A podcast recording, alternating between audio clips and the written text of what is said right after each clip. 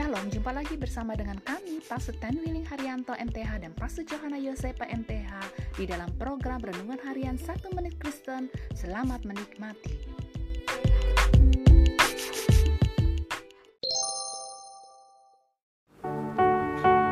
Shalom saudara-saudara yang sangat berharga di hati Tuhan. Hari ini firman Allah mau mengingatkan kepada kita apakah yang akan kita tinggalkan ketika kita mati.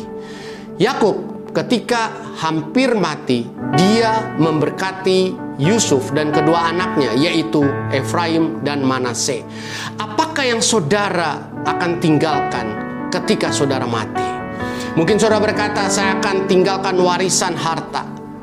Hal itu baik, tetapi firman Allah menasihatkan kepada kita, tinggalkanlah warisan iman dan keteladanan hidup kita. Keturunan kita memang memerlukan harta, tetapi keturunan kita lebih memerlukan sesuatu yang bersifat kekal, yaitu iman dan keteladanan hidup kita.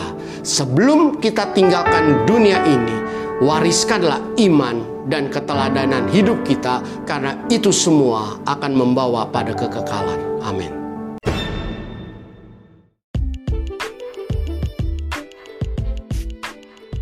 Kami mau jadi berkat. Kalau saudara memerlukan dukungan doa, hubungi kami di plus 62 812 9332 8339. Sampai jumpa pada episode berikutnya. Tuhan Yesus memberkati.